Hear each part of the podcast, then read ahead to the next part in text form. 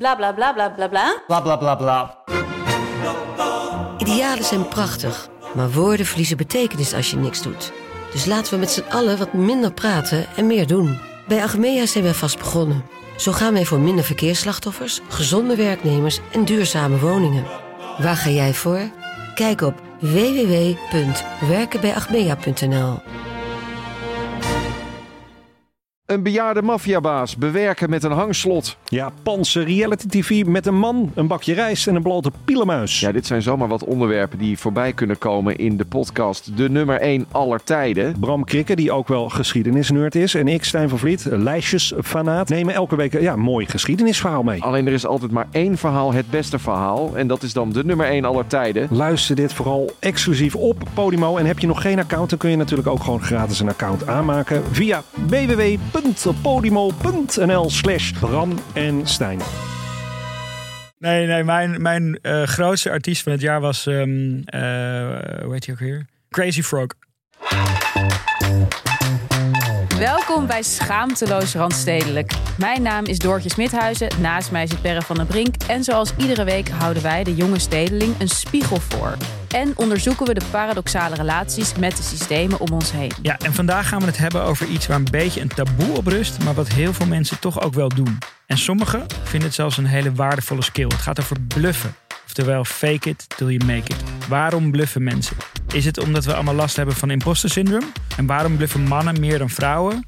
En wanneer gaat een bluff over in een keiharde leugen? Maar eerst de nu al heel succesvolle nieuwe rubriek.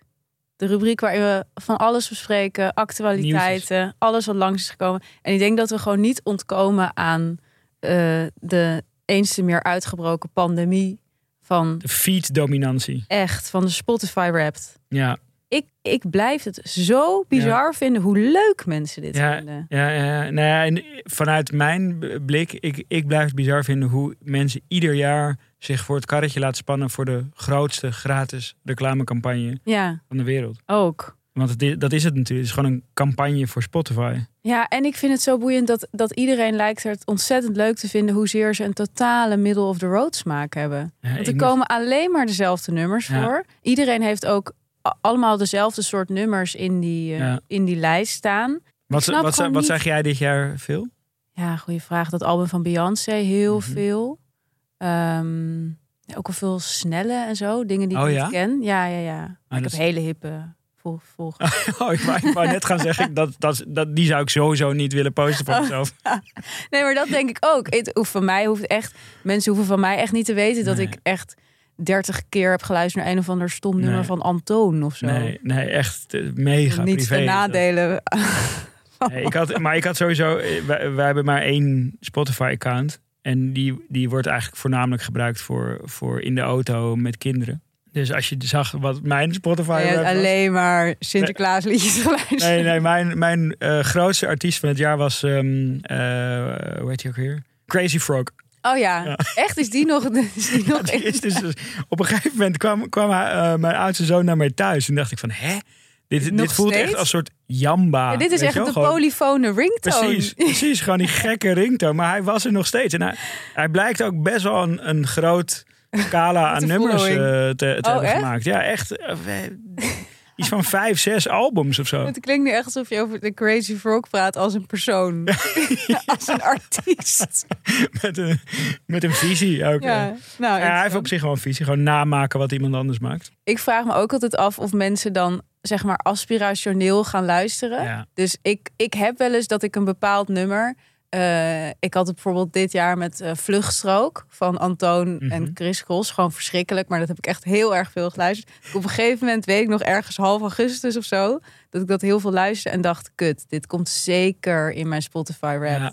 En dat ik me al toen al schaamde voor mezelf. Ik vraag me af, zijn er mensen die op dat moment gewoon alleen maar Kendrick Lamar of zo gaan luisteren? Deel het met hem. He- Heb je last van Wrapped Ja, Spotify ja rap stress. Heeft er ook last, wie heeft er last ons. van dat soort stress? Ja. Ja, nee, ik kan het me wel inderdaad voorstellen dat je dat. Dat je dat ik, ik vind het dus zelf. Ik zou het zelf nooit delen, omdat het gewoon. Ja, en ik, zo ik vind het ook zo raar dat mensen pretenderen alsof dat dan iets zegt over je persoonlijkheid. Ja. Wat je, want bij mij is het echt, nou, als je dat, ik lijk gewoon echt totale schizofrene gek. Als je dat ziet, het is echt, gaat dus echt van Antoon naar Bach, naar Beyoncé, naar zeg maar in slaapvalmuziek. Het is totaal, er is Maar geen misschien is dat ook wel, want als ik, als ik denk aan wat ik in mijn feed zie van mensen die dat delen, dan zijn het altijd van die hele eenduidige smaakpaletten. Weet je wel? ja, Van ja. Gewoon, gewoon indie-achtige dingen. of gewoon eh, allemaal credible dingen. Ja. Mensen die, die zo luisteren zoals, zoals jij luistert en zoals ik zelf ook luister, is niet leuk. die gaan dat niet delen. Nee. Dus het is toch een soort positioneringsdingetje wederom. Ja. Toch?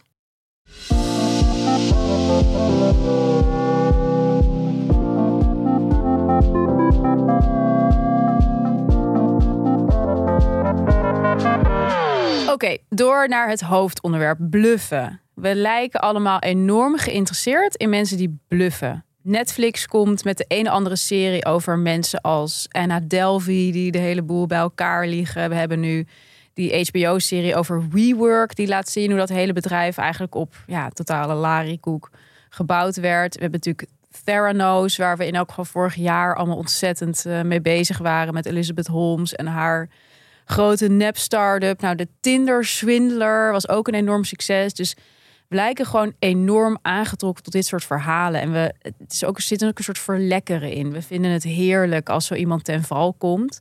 Met in Nederland natuurlijk Siewert als ultieme hoogte slash dieptepunt. Mhm.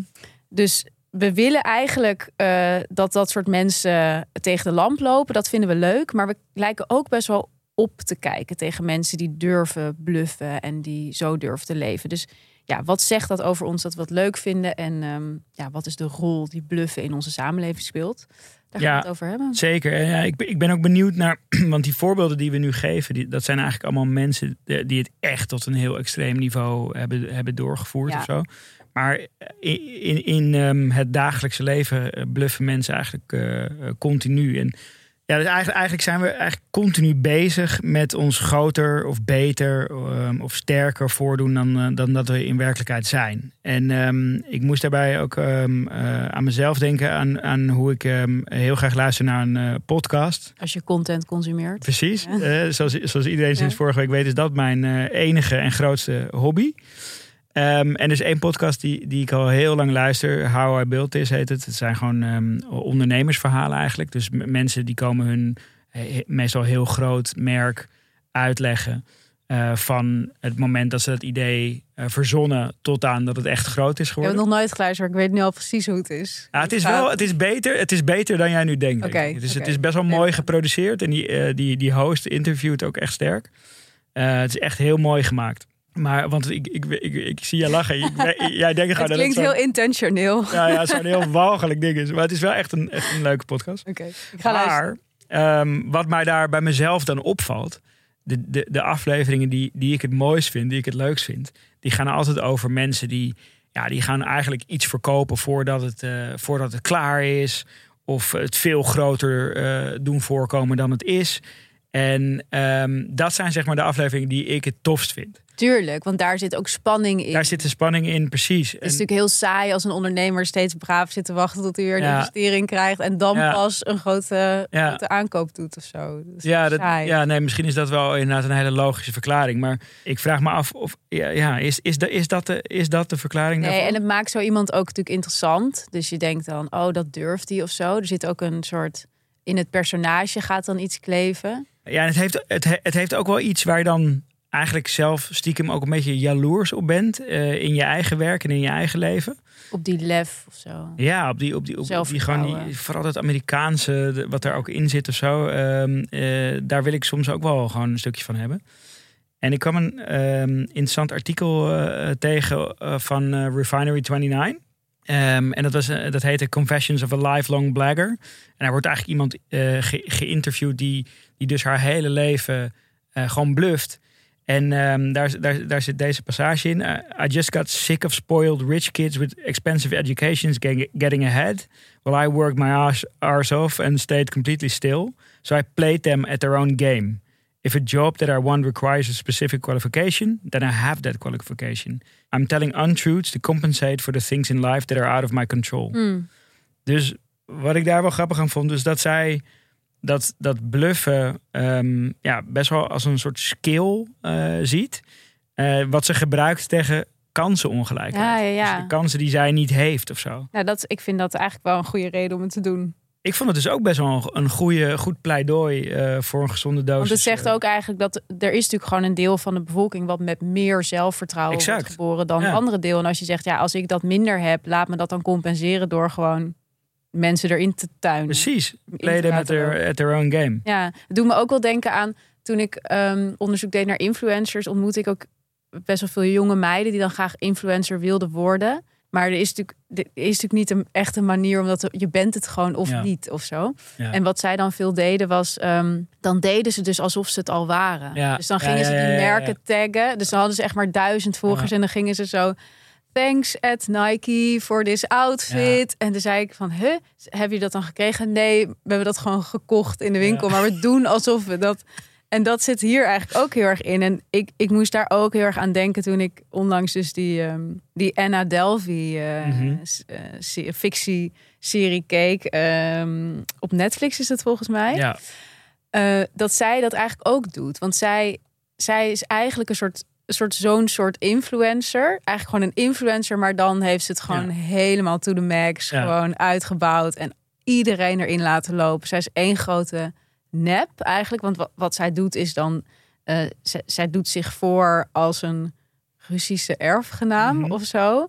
Eh, terwijl ze is gewoon ja, niet rijk of zo. Maar wat er dan gebeurt is dat ze dus de hele tijd met mensen naar jachten gaat. En ehm, in hele dure hotels gaat slapen in Parijs. En gewoon een geweldig leven leidt. En dan altijd zegt van, oh nee, maar eh, ik, ik, er komt 60 miljoen aan voor mij eh, in een, eh, in een hedge fund of weet ik veel. Ja, ja, ja. Maar tot die tijd kan jij nu even betalen. Ja, dus ik betaal je later terug. En heeft dus mensen echt na honderdduizenden dollars aan schuld. En ook allemaal ongedekte checks bij hotels. Zo, nou, dus die vrouw die had een enorme schuld opgebouwd. Die moest uiteindelijk ook de bak in. En nu zit ze met zo'n enkelband. Eh, maar ik vond dus heel interessant dat ze, eigenlijk is zij gewoon de ultieme influencer. Ja. Want ze verkoopt een verhaal over zichzelf. Ze, ze, ze, ze geeft zichzelf vorm eigenlijk. Mhm. En mensen trappen er gewoon in en willen daardoor ook een soort van meeliften met haar. Willen zeg maar investeren, willen erbij horen. Wel Ja, en dat verhaal wordt dan op een gegeven moment een soort self-fulfilling prophecy, toch? Ja, Van- van precies. het, het wordt gewoon waar. En Want volgens dan, mij. ja, dan zit je ook front row bij Ja. Chanel. En ik denk dat dat ook wel, want ik heb ook wel zitten nadenken van wanneer, wanneer is nou oké of zo. En ik vind, ik vind dat als het, als het, als er relatief kort tussen de bluff zit en dat je het gaat waarmaken, dan, dan kan het wel of zo, weet je wel. Maar als, als het echt soort acht levels verder is of zo, Ja, ja, ja, ja. dan is het gewoon een leugen, zeg maar. Ja, precies. Want zij, als, zij zou nooit... Die Nee. 60 miljoen is nooit gekomen. dat gaat gewoon en dat wist ze ook meteen. Ja. En bij sommige van die, ik bedoel, bij, bij, ik denk dat in jouw voorbeeld van, van jouw boek, dat Mhm. bij sommige van die influencers het een leugen was. En bij anderen een bluff. ja, Weet je wel, wat degene die het meeste dat talent hadden. dat zie je ook. Ja, Want de een is nu echt influencer en de ander die is er gewoon mee Ja. gekapt. nee, Ja. precies. Dus En het is natuurlijk grappig dat er, dat lijkt eigenlijk ook heel erg op, op social media, dan dat er natuurlijk een soort mallen zijn gecreëerd waar mensen zich in gaan wurmen om weg te komen met die bluff. Dus als je kijkt naar ook hè, dat verhaal van Elizabeth Holmes, wat natuurlijk vorig jaar mega vlug nam met dat Theranos. Dus nou, even kort, zij had dan een, eh, was een, een, vrouw en die wilde gewoon heel graag het nieuwe Steve Jobs worden. En die had dan, eh, dus was ook echt naar Stanford gegaan eigenlijk om vervolgens daar Ja. eh, als drop-out weer. Dat, want dat had Jobs dan ook gedaan. En zij ging dan een start-up eh, oprichten dat je met één heel klein bloeddruppeltje, een soort coronatest eigenlijk, maar dan voor je hele Alles. gezondheid met Ja. een heel klein druppeltje bloed. En dat zou je dan thuis kunnen doen. En dat zou dan in een laboratorium worden gecheckt. Nou, die vrouw, ik heb net even opgezocht. Zij was op het hoogtepunt, werd zij geschat op een waarde van 4,5 miljard ja, mensen als Kissinger en zo hebben in haar geïnvesteerd. Het was echt helemaal gestort. Maar aan haar zie je ook hoe dat, hoe dat bluffen heel erg samenhangt met een soort van imago. Dus zij ging ze ook heel erg presenteren als, als zijnde een soort Steve Jobs met zo'n kooltrui. ze heeft letterlijk haar stem veranderd. Ze ging heel laag praten Ja. ineens. Ja, dat soort dingen. Dat Ja. vond ik zo fascinerend. Zij heeft gewoon puur op imago en uitstraling en ambitie die je tentoonstelt, heeft zij dus gewoon 4,5 miljard waarde Ja. opgebouwd voor zichzelf. Ja, Echt gestoord. ja, echt bizar. En eh, bij, bij haar had ik wel het gevoel dat ze ook gewoon een beetje een sociopaat was, zeg maar. Ja, Ehm, dus dat het, het ging wel iets verder dan, dan een gezonde dosis bluff. maar zo. sowieso heb ik het idee dat al die mensen sociopaten zijn. Ook als je kijkt naar die WeWork eh, serie, die totaal. nu is dat HBO Apple. of Apple, ja, Ja. dat eh, waarin. Wel echt de eh, moeite waard. Ja, hoe heet hij ook weer die acteur? Mm, vreselijke Jared Leto. Ja, Jared Leto. ja. ja. Die ook Die- een hele kutte band zit hij. Ja, maar ik vind hem dus wel goed. Ja, hij is een hele goede acteur, maar die band, eh, ik, ik weet niet hoe die heet, maar ik hoop niet dat hij bij mensen op hun Spotify Wrapped eh, lijstje staat. Dan ben je meteen af. Ja, ik ga toch even luisteren. Maar ik vond daarin ook dat je ziet, ja, die man die heeft helemaal niks om de waar te maken wat hij zegt. Die, die dwingt investeringen af die die helemaal, waar hij eigenlijk helemaal niks mee kan. Ja. Die huurt panden die half verkrot zijn. En uiteindelijk stamt hij wel gewoon WeWork uit de Ja. grond. Gewoon op pure bluff. Pure Ja. bluff. Ja, ja, en het is, ik bedoel, het bestaat zelfs na alle gedoe rondom WeWork. Het bestaat nog wel, weet je wel. Ja, maar hij is er wel uit. Hij is eruit. Ja, gekikt. Nee, maar het, het frappant is, is dat hij nu een nieuw idee heeft waar hij echt eh, honderden miljoenen voor heeft Echt? gehaald. Wat dan? Hij heeft een, ja, ik, eh, volgens mij is het een, een, een idee wat eigenlijk eerst onder de vlag van WeWork gedaan zou worden. Oh. En het is dat je een soort abonnement neemt op ehm, appartementen, als ik het goed heb. Oh ja, ja. Dan kan je overal in de wereld kan je wonen. Ja, dat past ook heel erg bij die kibbutz dat was, dat was onderdeel van die visie. En eh, hij heeft bij Andreessen Horowitz, eh, eh, ja, een hele grote venture capital ehm, eh, firma in ehm, Silicon Valley, heeft hij 350 miljoen opgehaald. Nou is dat voor hun doen niet een uitzonderlijk bedrag, maar wel voor een start-up. Want Ja.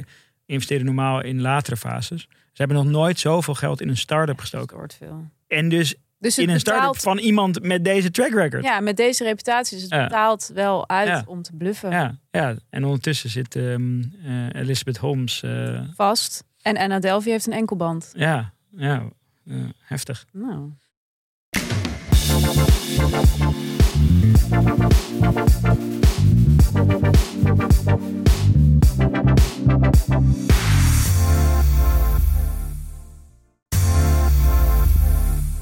Is, is, is hoort dat bluffen dan bij het kapitalisme? Is dat een soort van product? Ja, denk het wel. Ik denk dat wij ons allemaal veel beter voordoen dan we zijn. Ja. Dat dat ook van je wordt gevraagd. Dat het hoort bij Ja, en eindeloze groei en moet beter. En- ja en gewoon de druk om te presteren. Ja. Zeker. Ja. Ja. dat zag je toch ook. Je hebt ook altijd in de journalistiek van die reddetjes.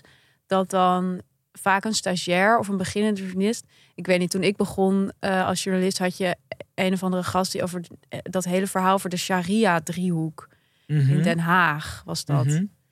En dat bleek gewoon allemaal verzonnen. Die man had gewoon hele, hele rellen tussen bepaalde geloofsgroepen binnen Den Haag. Had, had hij gewoon uit zijn duim gezogen, gewoon puur om te scoren binnen de krant.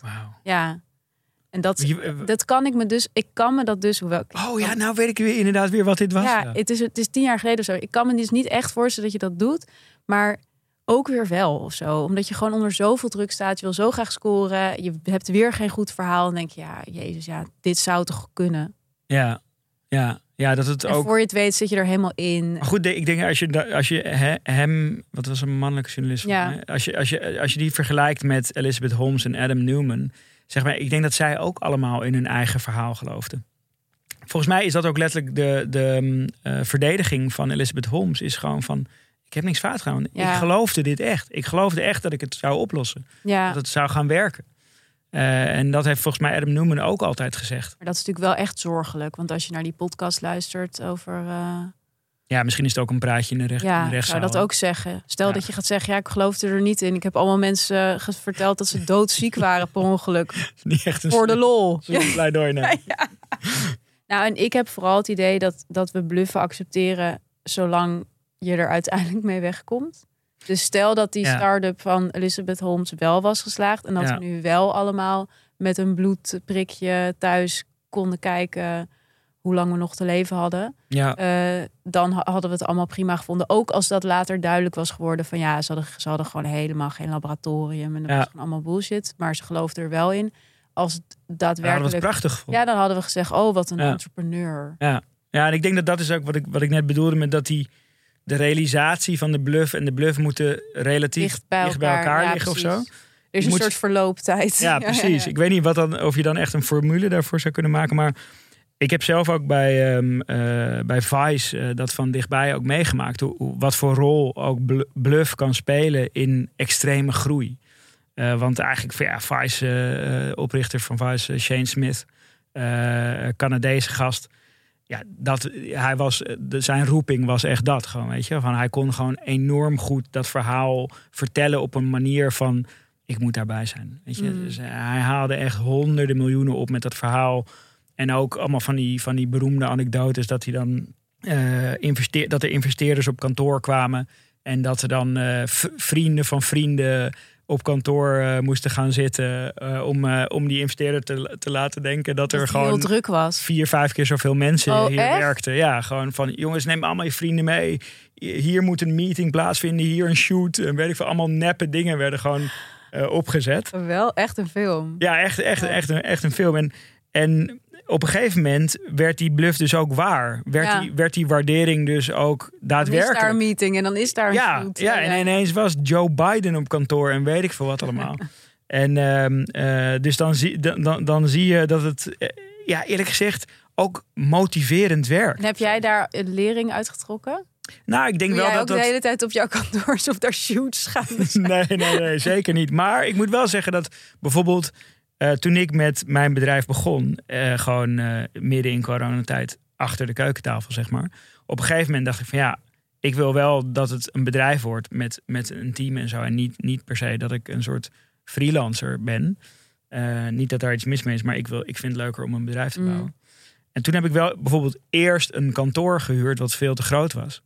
En ik dacht, ja, nu is het gewoon fucking leeg hier. Het is gewoon best wel gênant als ik hier in mijn eentje zit en iemand hier ontvangt. Ja. Weet je wel? Kan, kunnen beter gewoon een paar mensen ook, Ja. ook hier zitten. En eigenlijk zo andersom het neergezet. En ik denk dat dat wel ergens daar een soort fatsoenlijke afstamming eh, van, die, van die bluff is of zo. Weet je, dat je het eerst groter doet Ja. voorkomen dan het is. Als een motivatie om het dan snel wel te realiseren. Want anders wordt het- achter de deur ook. Ja, Ja. Dus een ik, ik doe hetzelfde met, met als ik marathons ren. Omdat het altijd gewoon toch best wel kut is om te doen. Dan zeg ik altijd eerst gewoon, ja, ik ga, dat, ik ga, ik ga die en die marathon rennen.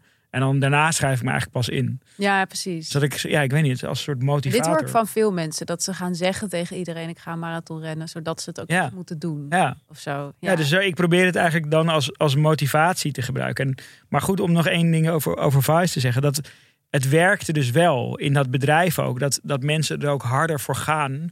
Eh, om, om die bluff die hij dan op dat, moment, eh, op dat moment een beetje tentoonspreidde.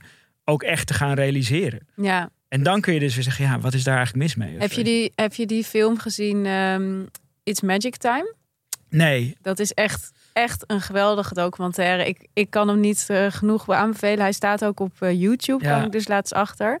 En dat is een, daar moet ik nu heel erg aan denken. Dat is een docu over een bedrijf. En ze noemen zichzelf een multi-channel marketing experience company. Mhm. ja, het is zeg maar rond... Jiske Vet had het kunnen Het verzinnen. is zo. echt Jiskevet in 2000 Ja. gewoon. En zij zijn zo, zo de internetbubbel, weet je wel. En zij hebben dan van Fortis, die bank die inmiddels ook helemaal ter ziele is Mhm. gegaan, hebben ze een, een investering binnengehaald van 15 miljoen. Niemand weet echt waarom, maar waarschijnlijk dachten ze bij Fortis van ja, internet, er channels, marketing. Dus zij hebben dat geld gekregen. En eh, vervolgens weten ze eigenlijk dus helemaal niet wat ze ermee moeten. Dus ze gaan een enorm pand gaan ze huren op de Prins Hendrikkade, echt tegenover Amsterdam Centraal. En eh, dat gaan ze ook inrichten, echt in een Ja, ik ben er wel eens geweest. Echt? Ja. Bij Ma- Magic Time? Ja, ja. Eh, Magic Minds? Magic Minds, ja. alles wit. Echt Ja. sensation Ja. white wit. En dan met van die tv's overal met hun eigen ja, werk, campagne. Ja. Want ze doen dus niet heel veel werk, Ja. maar ze bedenken wel grappige dingen. En de afspraak met Fortis is dus dat ze ehm, internationaal gaan. Maar echt niks lukt. Dus ze proberen de hele tijd grote campagnes van met cola en zo. Maar echt geen enkele pitch winnen ze. En ondertussen is die CEO, die Erik Bartels. Die is dus alleen maar bezig met doen alsof dit allemaal volgens plan is Mm. en, en niks aan de hand. Dus eh, dan gaat die bo dan trekt die investeerder zich terug. En wat gaat hij dan doen? Dan gaat hij, ehm, eh, gaat hij bijvoorbeeld gitaar spelen voor de investeerders. Van geef ons meer geld. En Nee. dan- ja, serieus. En dan gaat hij ook allemaal lounge parties organiseren op het dakterras met allemaal meiden in jacuzzi's en zo. En echt alles om maar af te leiden van het veld dat dat hele bedrijf gewoon Ja. langzaam aan het kapseizen en binnen. Nou goed, dat is al vrij duidelijk. Binnen, binnen een jaar of zo zijn ze dus weer failliet. Het is Ja. gewoon echt een Ja, geweldige... het ging heel snel. Ik, ik Ja. kan me namelijk nog echt herinneren dat dat, ehm, dat dat geopend werd. En dat dat best wel een ding was of zo. Echt best wel een groot pand ook. Ja, ja, ja. Het ziet er inderdaad eh, ja, het ziet er gewoon uit als, als de superclub was gewoon de moodboard. Echt een superclub, ja. Het was ja. ook die tijd, toch? Ja. Dat, waar, nu al die techkantoren beton en zwarte stalen deuren, was Ja. het toen gewoon alles moest wit, zeg maar. ja. Maar echt wit-wit. Zeg maar printer Ja. A4 wit. Echt zo lelijk. ja. ja. Oh. Maar goed, wel echt een enorme tip om te kijken. Bluff, jij, bluff jij zelf veel? Ja, ik dacht er natuurlijk over na. Ehm, ik bluff wel, wel eens, maar niet over echt grote dingen. Dus Nee. niet over dingen waarvan ik echt denk, ik weet mijn god niet hoe ik dit waar kan maken. Maar ja, bijvoorbeeld toen ik stagiair was dan bij een krant, zo mijn eerste baantje. Mhm. Dan, dan wilde ik eigenlijk nooit zeggen dat ik stagiair was. Ja, ja, ja, ja. Dus dan ging ik zeggen, ja, ik ben journalist. Want je mocht ook niet zeggen dat je er werkte als je er niet werkte. Of als je nog stagiair was. Maar goed, ik was drie of 24 of zo. Dus dat was voor iedereen echt super duidelijk dat Dat ik stagiair was. maar goed, dat vond ik, dan toch, vond ik dan toch minder leuk om te zeggen. En ik had het ook heel erg met, toen ik voor het eerst een documentaire maakte. Dat was wel echt, dat was wel echt een beetje bluff. Ja. Ja, want ik had dat gewoon nog nooit gedaan. Nee. En ineens stond ik daar op een set. En is, ja, er kwam gewoon zo'n cameraman naar me toe van... Wat moet Ja, doen? wat denk jij? Eh, zullen we dit op FS7 bla- eh, draaien? Ja. Of Blackmagic? Of wil je, en wil je dit 4K? Of wil je, Ja. en ik zo, en ik wist het gewoon niet. En ik durfde Wat dan, dus dan? toch... Nou, ik durfde dan dus toch niet te zeggen van... Goh, ik weet niet. Dus dan zei ik zo... Wat denk even- jij? Ja. Wat denk jij? Alsof ik een hele, Maar dit is weer, wat, weet je wat ik hele zeggen? holistische regisseur was... die iedereen wilde betrekken bij het proces. Ik wilde dus gaan zeggen, toen- ik wilde dus Jij zou gewoon zeggen- Ik zou zeggen, doe maar gewoon even 7. Echt? Ja, maar dat is dus denk ik precies het verschil tussen... Ja, maar ik, ben, ik zou dan denken, ja, straks zitten we met een heel raar uitgezoomd beeld. Omdat ik heb gezegd, draai het FS7, weet je Ja, wel? nee, true. Maar, Dus dat, maar goed, en ik weet dan ook wel eens dat ik dan zat ik dan wel eens ook tijdens de edit of zo, dat ik dan echt zo op de wc dingen ging googlen, weet je? ja, ja, ja. Hey, nog even over... eh, Ja, precies. Dus dat, dat, dat eh, zat daar wel heel erg in. En daar vond ik ook wel weer dat ik wel dacht van Jezus. Weet je, je leert zo snel als je eenmaal daar staat. Eigenlijk gun je iedereen. Ja, dus ik zat net toen je het ook ging vertellen van, eh, zat ik te denken van, is dit nou eh, bluff? Want dan is eigenlijk bijna alles wat je dan voor het eerst doet, is, Is bluff, of zo, weet je? Ja, En ik weet ook niet of dat zo is of zo, maar nee. En, en het gaat, volgens mij gaat bluffen ook heel erg uiteindelijk om hoe je jezelf voelt. En de relatie met jezelf in bepaalde werkomstandigheden. Ik had het bijvoorbeeld nu laatst wel weer, dat ik ook weer wel een beetje blufte. Want ik doe dan nu eh, dagvoorzitterschappen sinds Mhm. een jaar of zo. waar ben je te boeken? Ja, eh, sprekershuis. Superleuk. Geen spijt ga ik krijgen.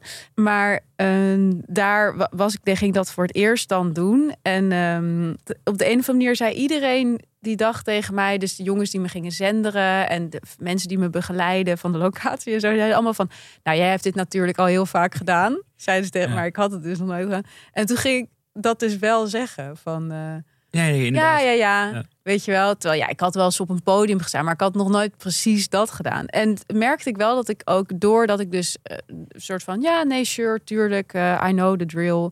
Dat ik daar ook weer relaxter Ja. stond of zo. Ja, Dus het is ook een soort zelfgemaakt zelfvertrouwen of zo. Ja. Op dat moment Nou ja, dat het gewoon prettig is. ik, denk, ik, denk, ik denk het ook. En ik denk dat dat ook een heel reëel ding is voor, voor onze generatie, toch? Van, Ja. ik, ik las van een onderzoek dat 70% van millennials ehm, ja, eigenlijk continu een soort imposter syndrome gevoel ervaart. Dus dat je gewoon eigenlijk de hele tijd op zoek bent naar een soort handvaten om je zekerder te En voelen. tegelijkertijd denk ik dus ook dat het een privilege is om te durven bluffen. Ja. Dus dat je, dat je om te durven bluffen ook eh, je hele leven dus omringd moet zijn geweest met Ja. mensen die hebben gezegd: je kan het, Ja. het komt goed. Weet je, als je natuurlijk heel veel tegenstand hebt, durf je veel minder snel te zeggen: Ja. oh nee, ik heb het al vaker gedaan. Ja, nee, klopt inderdaad.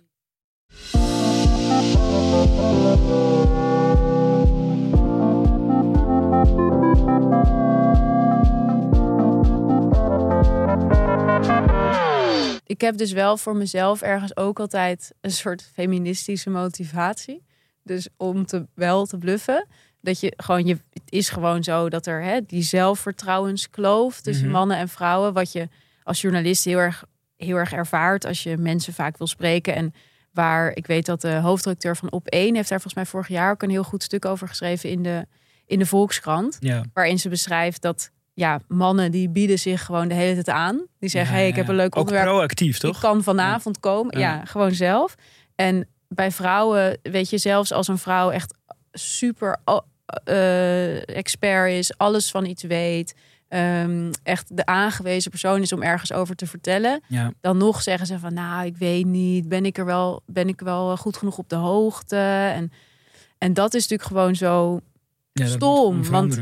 Het is, het, weet je, het is ook mijn ervaring dat het gewoon moeilijk, moeilijker is toch om vrouwen als journalist te interviewen. Omdat ze gewoon vaker zeggen van nee, ik heb er geen zin in. En ja, veel, veel, veel vaker onzeker zijn over bepaalde praten minder graag over zichzelf. Ja, over zichzelf en over hun eigen kunde. En dat is gewoon een vicieuze cirkel. Ja. Want nou, ik heb dus altijd de, de, de idee van als ik gebeld word door een talkshow, ook al is het een onderwerp waar ik niet super veel van weet, ik heb wel echt grenzen. Ik ga niet ergens zitten als ik gewoon echt er niks van weet. Maar als ik denk, oké, ik weet er misschien niet 100% iets van, maar wel 90%, dan denk ik, let's go. Weet Ja. je wel? Het is hard. Het is namelijk altijd leuk. En wat zeker mijn ervaring is, is dat het juist heel leuk is om ergens over te praten als je niet 100% zeg maar Ja. invested bent. Dus Ja. ergens zitten omdat je bijvoorbeeld ehm, ja, ergens persoonlijk bij betrokken bent. Of je hebt een boek geschreven over dat onderwerp en je komt dat presenteren. Of wat natuurlijk ook vaak bij, bij vrouwen het geval is, dat ze worden uitgenodigd over vrouwenonderwerpen. Ja. Dus dat je moet vertellen over abortus of eh, wat er, hè, dat er Iraanse vrouwen worden uitgenodigd om over Iran te praten. Dat is gewoon een heel ander gevoel dan als je gewoon een beetje uit de losse Ja. pols wat commentaar geeft. Kan je ook veel vrijer je mening uiten. Veel vrijer. En dat is natuurlijk wat je mannen veel vaker ziet doen. Ja. En volgens mij is dat die vicieuze cirkel. Vrouwen zien zichzelf niet ja, gerepresenteerd als een soort Leonard Ornstein. Of eh, ja, die heeft echt overal mening over. Mhm. Of eh, ja, eh, Wilfred Gené voor mijn part. En dan gaan ze ook minder denken dat dat kan. Of dat dat acceptabel is voor hen. Bij Google ehm, hebben ze, als je daar eh, gaat eh, werken, best wel een uitgebreide ehm, onboarding eh, procedure. En onder andere ehm, allemaal persoonlijkheidstesten en weet ik veel. Dat je, dat je Mhm. zelf moet, moet schalen in bepaalde skills. En van 1 tot 5. En zij hebben zo'n regel dat, dat als je als man jezelf op niveau 4 schaalt, dat ze dan eigenlijk 3 rekenen. En dat je als vrouw jezelf op niveau 2 schaalt, dat ze dan ook 3 rekenen. Oh ja. Dus dat zegt Mannen eh, krijgen een minnetje en Ja, vrouwen een plusje. ja, of ja. zelfvertrouwen. Ja, Ja, dus oh goed. precies wat dit stuk ook een beetje onderschrijft, toch? Van ehm, eh, dat je jezelf structureel hoger inschat dan dat je bent als man en vice versa. Ja. Ja, oh, wel, eh, dat is wel echt goed. Ja, ik zag trouwens over mannen die zichzelf hoger inschatten gesproken. Ik had ook nog even opgezocht wat Erik Bartels nu doet. Ja. Hij is inspirational speaker, filosoof en successtrateeg. Oeh, successtratege. Hij is ook te boeken. Ja. Bij Sprekershuis. Dat weet ik niet. Ja, dus ehm, laten we er een, eh, een eh, conclusie aan verbinden. Ja, Bluff. ik begrijp dat het gebeurt. Ik denk dat het ook wel waarde heeft, omdat Mhm. soms heb je gewoon een visie en moet je even wat handen op elkaar krijgen voordat je het eh, gerealiseerd krijgt. Maar ik heb wel het idee dat er toch grenzen aan moeten worden gesteld. Ja, we moeten, Wij moeten allemaal formule, eh, een C-word zijn. wij moeten die formule gaan ontwikkelen. Dus hoe, hoe, lang het, hoe langer tussen je bluff en de realisatie, daar moet een soort van normering voor zijn. En ook hoe, hoe, hoezeer je echt waarmaakt wat je belooft. Nee, precies. Ja. Dus dat, dat, dat, zonder dat is het überhaupt een leugen. Eh, en dan als er, als er te lang tussen de bluff en de realisatie zit, Ja. is het eigenlijk ook een leugen. Dus het moet net precies Maar en de ook goede onderdeel window van zijn. die formule denk ik ook is hoeveel geld je hebt opgehaald. Ja. Daardoor wordt het kleiner. de window wordt, ja, Ja, die kan je natuurlijk verkleinen, ja. Nou, ga En- jij even je hoofd breken over die formule? ja. Dan kunnen we een leuke TikTok En, en, ik- en, en algemener is dus... ehm, vrouwen zouden meer moeten Precies. Vind ik Vrouwen, Ja. is wat vaak. Dit was Schaamteloos Randstedelijk, de podcast over alles wat je wel bent, maar niet wil zijn. Wil je op de hoogte blijven? Abonneer je op onze podcast in je favoriete podcast-app. En volg ons natuurlijk op Instagram, schaamteloos Randstedelijk. Tot volgende week.